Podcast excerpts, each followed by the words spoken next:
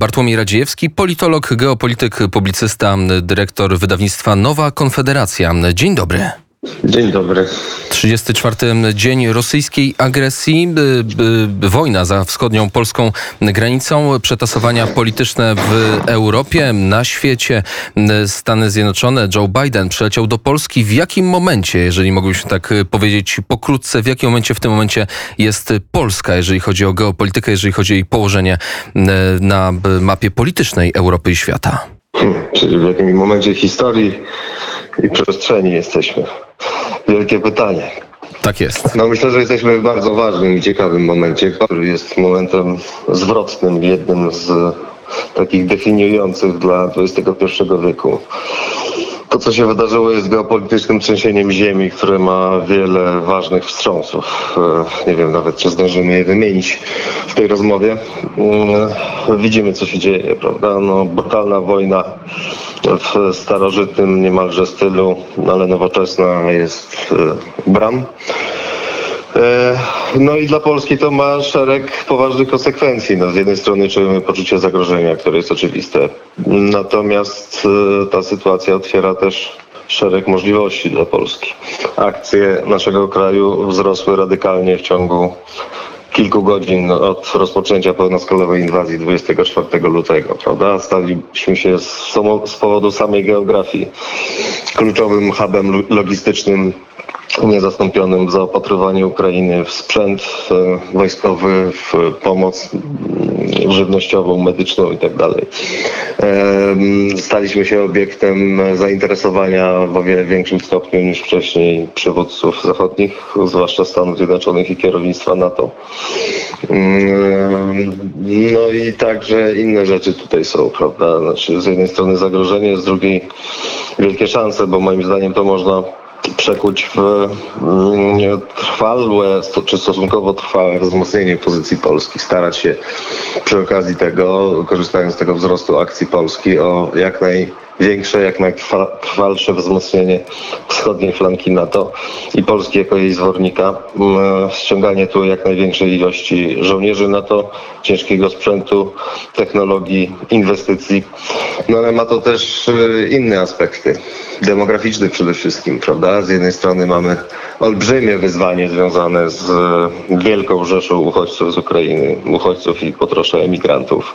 Szacuje się, że to może być nawet 7 milionów, 5-10 milionów, różne szacunki tu podają. W każdym razie mówimy już o ponad 2 milionach i ta liczba rośnie. Ogromna strata dla Ukrainy, natomiast e, no, część tych ludzi na pewno zostanie Pytanie, czy to wyzwanie nie przekroczy zdolności absorpcji polskiego społeczeństwa i zdolności organizacyjnych polskiego państwa. Natomiast no jednocześnie trudno nie zauważyć, że jest szansą, prawda, również. To znaczy my jesteśmy w zapaści demograficznej od jakiegoś czasu. Straciliśmy kilkaset tysięcy ludzi tylko w ostatnich kilku latach. No i to jest e, okazja do tego, żeby zapełnić tę lukę, mówiąc e, chłodnym, nieco może brutalnym językiem, za przepraszam, ale no tak trzeba też na to patrzeć z, z punktu widzenia rozumu publicznego, z punktu widzenia racji stanu. To jest okazja również do tego, żeby zapełnić lukę demograficzną, odmłodzić polskie społeczeństwo, odwrócić być może zapaść demograficzną. Natomiast no, to jest wielkie wyzwanie i to jest trudne, bo to wymaga tego, żeby postawić otwarcie i bardzo jasną sprawę, że mm, dla tych ludzi musimy mieć ofertę, prawda? Ofertę integracji, ofertę włączenia się w polskie społeczeństwo, ofertę tego, żeby docelowo byli obywatelami polskimi. Liberalizm, pokój, yy przyjaźnie między narodami, wielka, wspaniała przyszłość, którą budowaliśmy na przestrzeni 30 ostatnich lat w Polsce. To wszystko, jak widać w, kontekście tego, co się wydarzyło na świecie i tego, jaką rolę zaczynają odgrywać Chiny, zmienia świat, świat też Polski na naszych oczach. Pana zdaniem, w jaką stronę Polska politycznie powinna pójść teraz? Politycznie w jaką stronę powinna Polska pójść?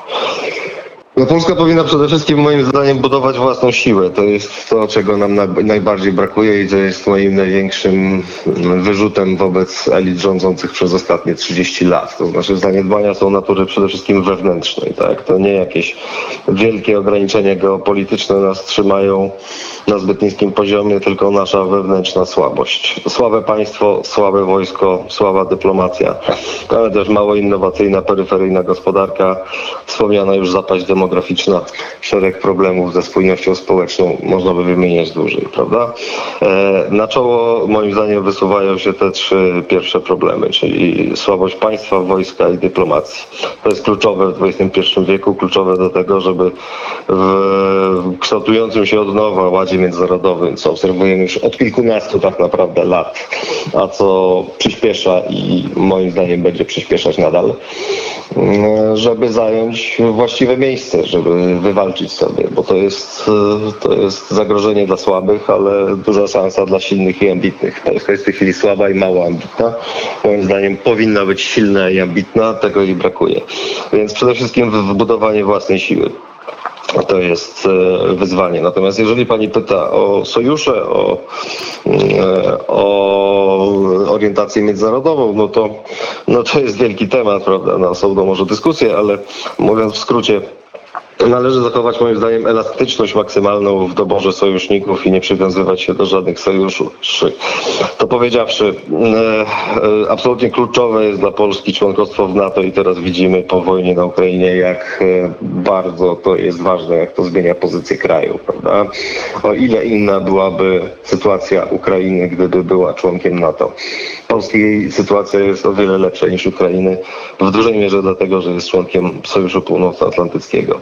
Więc to jest coś, co warto pielęgnować, to jest coś, o, warto, o co warto mm, się starać, umacniać to jak najbardziej, dlatego też mówiłem na pierwszym czy drugim miejscu, jak powiem, w odpowiedzi na poprzednie pytania, o tym wzmacnianiu aspektu mm, Polski w NATO i NATO w Polsce, prawda? E, członkostwo w Unii Europejskiej jest również kluczową sprawą i szerzej no, orientacja, zakorzenienie na Zachodzie. Kolektywny Zachód, to jest element z elementów tego trzęsienia ziemi geopolitycznego pokazał, że nie tylko wciąż istnieje, ale gdy dostanie odpowiednio silne bodźce, to potrafi działać z imponującą siłą, prawda? I potrafi osiągać pewną jedność, która może rzucić na kolana takie mocarstwo jak Rosja. Więc e, no to jest również coś, o co powinniśmy dbać jak najbardziej. Natomiast jednocześnie musimy być elastyczni maksymalnie i szukać szans wszędzie, gdzie się da. Wspomniał Pan o elastyczności sojuszniczej. To jeszcze dopytajmy, co to dokładnie oznacza, bo mam wrażenie, że my Polacy, kiedy ktoś nas lekko poklepie po plecach, powie tak, dobrze zrobiliście to, cieszymy się, kiedy zachodni politycy przyjeżdżają, szczególnie ci z USA, cieszymy się, robimy z tego ogromne wydarzenia. Czy nie jest trochę tak właśnie a propos tej elastyczności, że jak to mówił e, były szef MSZ-u, więc mogę go posądzić o to, że wie, co mówi, robimy niejako cały czas e, łaskę, czy raczej dobrze Amerykanom?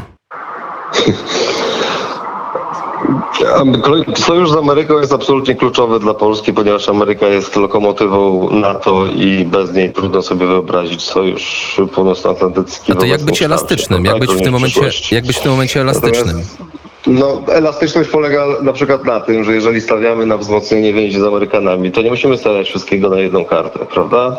Brytyjczycy w czasach imperialnych mówili, że Wielka Brytania nie ma sojuszników, ma tylko interesy. E, Amerykanie nie są tu z miłości do Polski, tylko są ze względu na kalkulację swoich interesów. Można dyskutować słuszną, niesłuszną, jak bardzo słuszną, czy przetrwa następnych 10-20 lat. Natomiast są tu ze względu na swoje interesy, po to, żeby je chronić. E, są tu e, amerykańskie, e, amerykańscy żołnierze, amerykańskie, e, amerykański sprzęt i tak dalej. Tak samo z innymi krajami zachodnimi. Więc Polska również powinna myśleć w kategoriach, że nie, nie ma sojuszników, tylko ma interesy. Sojusznicy są funkcjonalni z punktu widzenia tych interesów. Czyli stawiamy na jedną kartę, są kluczowe, natomiast nie trzeba stawiać wszystkiego na jedną kartę, tak jak to miało na przykład miejsce w czasach Donalda Trumpa, prawda? Żeby potem nie budzić z niemiłym rozczarowaniem, gdy sytuacja się pogorszyła.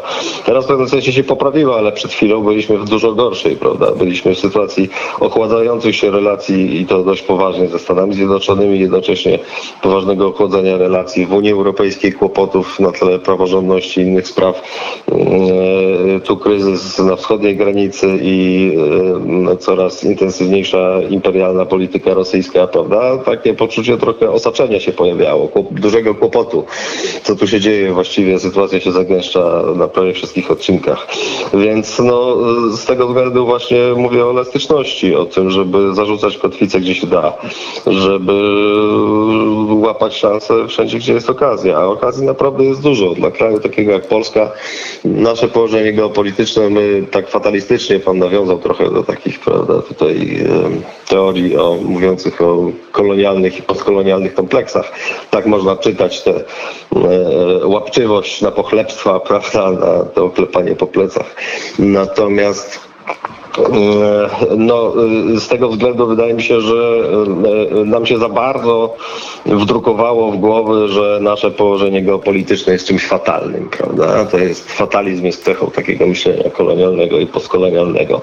Nasze położenie no, jest niebezpieczne z jednej strony, ale z drugiej strony jest fantastyczne. Jest położeniem na skrzyżowaniu kluczowych linii komunikacyjnych wschód-zachód, północ-południe.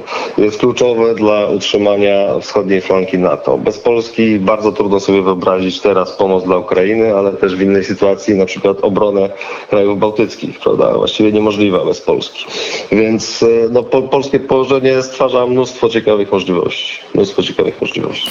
A propos elastyczności, to jak Pana zdaniem rozwinie się albo zwinie przyjaźń polsko-węgierska, tak mocno budowana przez wiele lat, szczególnie przez Prawo i Sprawiedliwość, obóz rządzący, a teraz jednak e, tak schowana pod stół ze wstydem, wspominana jako coś, co jest jednak tematem, o którym politycy obozu, zjedno, obozu Zjednoczonej Prawicy nie chcą już rozmawiać.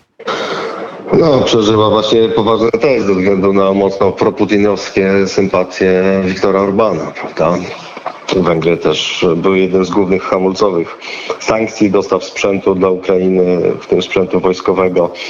Mm, Także no, mamy poczucie, że tutaj nie gramy do jednej bramki, a nawet po trosze, może nie do przeciwnych bramek, ale, mm, ale nie do jednej bramki. Ale prawda? to oznacza, Więc, że powinniśmy zapomnieć o sojuszach z Węgrami, tych politycznych W grupie V4. układankach, e, właśnie chociażby w grupie V4, czy jednak pomimo to powinniśmy budować tą elastyczność, o której Pan wspominał i jednak nie zapominać o tym, że mamy wspólne interesy. Nie, no oczywiście, zachowywać elastyczność i nie zapominać o wspólnych interesach. Przypomnijmy jeszcze może, że bo to też często tak się używa dzisiaj w niezbyt ścisłym rozumieniu słowa sojusz. My jesteśmy formalnym sojusznikiem Węgrów ze względu na NATO i Unię Europejską już tylko, prawda? Tak samo jak Niemców, Amerykanów, e, tam nie ma Unii Europejskiej, ale całego szeregu krajów europejskich. To jest relacja ścisłego sojuszu. Jakich byśmy nie mieli sporów, czy to z Niemcami, czy to z Belgami, czy to z Francuzami, Mm, To są spory w, rodzinie, to są spory w obrębie ścisłego sojuszu. I z Węgrami jest podobnie. To są też spory w rodzinie europejsko-transatlantyckiej. Polska ma z Węgrami pewne wspólne interesy, zwłaszcza identyfikowane przez obe- obecną władzę, co jest trochę wbrew geopolityce, prawda? To znaczy, mm, zarówno realiści polityczni, jak i geopolitycy zwykle analizują politykę międzynarodową w abstrakcji od podziałów ideologicznych, definiując taki dość abstrakcyjny interes państwa jako takiego, prawda? No, teraz widzimy, ale też za Trumpa było to widoczne, że e, wspólnota ideologiczna pewna, to jest wspólnota bieżących celów politycznych z tym związana, prawda, e, między PiSem a Trumpistami, czy między PiSem a Fidesem e, sprawia, że relacje się zacieśniają. Znowu jak się zmienia administracja, czy to w Polsce, czy w Stanach Zjednoczonych na inną, to relacje się ochładzają. No to jest taki element rozedrgania po prostu współczesnej polityki głęboko spolaryzowanej i rozrywanej przez konflikty wewnętrzne w krajach zachodnich, co zaburza myślenie w, racji, w kategoriach racji stanu. To trzeba, wydaje mi się, skorzystając z okazji, jasno powiedzieć, natomiast to nie zmienia faktu, no, że Węgry są interesującym krajem z szeregu punktów widzenia, niezależnie od tego, kto tam rządzi. A jeżeli z faktu z pewnej wspólnoty ideologicznej obecnie rządzący Polską są w stanie wyciągnąć jakieś korzyści dla Polski, no to niech oczywiście wyciągają. Niech oczywiście wyciągają. To w takim razie jeszcze e, na koniec e, wspomniał Pan o budowie własnej siły, o słabości państwa, e, słabości wojska, dyplomacji. Gdybyśmy mieli podać przykład, nie licząc tych za dalekiej wody, przykład państw, które realizują swoje interesy, które są elastyczne, które mogą być pewnego rodzaju modelem, punktem odniesienia do Polski, przynajmniej w tym, w tym najbliższym otoczeniu, w Europie, to na kogo byśmy powinni spojrzeć? No, jest wiele ciekawych przykładów, począwszy od samych Stanów Zjednoczonych, naszego, naszego najbliższego sojusznika, który wielokrotnie e, czynił z e, byłych wrogów przyjaciół, prawda, by wspomnieć tylko Japonię, Niemcy, przecież niesamowicie, po niesamowicie brutalnych e, konfliktach w trakcie z nimi w trakcie II wojny światowej. Ale warto patrzeć na Izrael, na Koreę Południową na przykład. Fenomenalny przykład Korea Południowa zbudowania bardzo nowoczesnej gospodarki w ciągu 30 lat. Tak? W latach 60. XX wieku Korea Południowa była znacznie biedniejszym krajem od Polski, znacznie słabszym pod właściwie każdym względem e, niż PRL-owska Polska w latach 60. XX wieku. Tak? Dzisiaj jest znacznie silniejsza, dużo bogatsza, dużo bardziej innowacyjna, ma też silną armię, ma sojusz ze Stanami Zjednoczonymi, ale prowadzi mądrą politykę dosyć elastyczną, mm, która jest otwarta na różne opcje. Jest e, sojusznikiem Zachodu generalnie rzecz biorąc, ale w przyszłości może być różnie. Myślę, że przede wszystkim koreańska racja stanu będzie tu decydować, południowo-koreańska racja stanu. Mm, Jednocześnie jest tak, że jest to kraj, który mm, nieraz bywa wymieniany jako obok Polski jeden z dwóch najgorzej geopolitycznie położonych na świecie, prawda? Więc i w tych warunkach zbudowali swoją siłę w błyskawicznym tempie. Myślę, że to jest bardzo ciekawy wzór, natomiast no, można podać z pewnością więcej tych wzorów. I tu postawimy trzy kropki, bo do, do tej rozmowy trzeba będzie powrócić. Bartłomiej Radziejewski, politolog, geopolityk, dyrektor wydawnictwa Nowa Konfederacja, był gościem Radia Wnet. Dziękuję bardzo i do usłyszenia. Dziękujemy bardzo. Dziękuję bardzo. Do usłyszenia.